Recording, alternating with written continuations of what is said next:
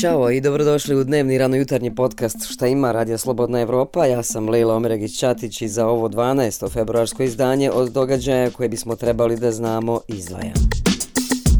Bosna i Hercegovina bi trebalo da otvori pregovore za sporazum o saradnji sa Agencijom za Evropsku graničnu i obalnu stražu, poznatijom kao Frontex. Početak pregovora o tekstu sporazuma biće ozvaničen sastankom ministra sigurnosti Nenada Nešića i zamjenika generalnog direktora za unutrašnje poslove pri Evropskoj komisiji Oliverom Onidijem, a prisustovat će i predstavnici tima BiH za pregovore o saradnji sa Frontexom.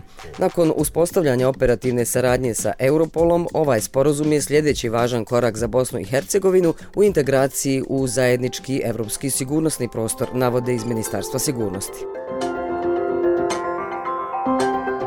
Također je najavljeno da predstavnici komiteta Manival Vijeća Evrope stižu danas u Bosnu i Hercegovinu, a razlog posjete je da procijene da li je država postigla zadovoljavajući nivo standarda u oblasti sprečavanja pranja novca i finansiranja terorizma.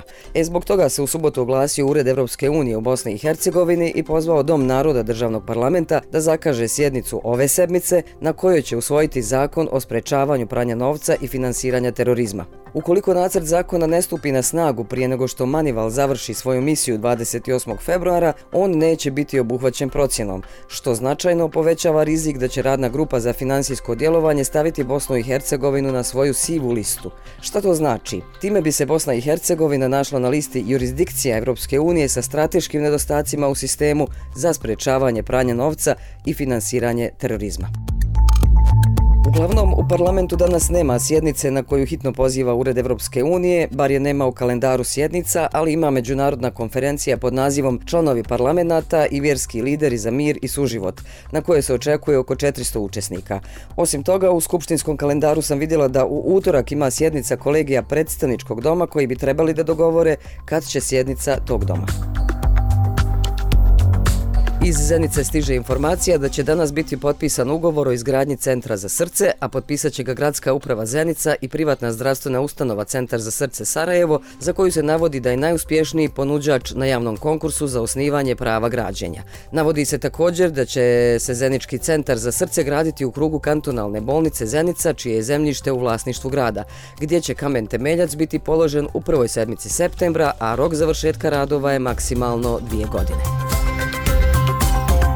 Francuska, Njemačka i Poljska će predstaviti novu zajedničku strategiju u borbi protiv stranih dezinformacija, posebno onih koji dolaze iz Rusije. Ministar vanjskih poslova ovih zemalja će na sastanku, koji će biti održan nedaleko od Pariza, razgovarati o novim napadima dezinformacijama koje je Moskva navodno pokrenula protiv ove tri evropske države. Javnom mnjenju ćemo transparentno otkriti instrumente tih dezinformacija. Otkrićemo napade koji se provode i to sa dokazima, rekao je francuski ministar Stefan Sejourne i dodao kako su sve države Evropske unije suočene sa ruskim ruskim dezinformacijama.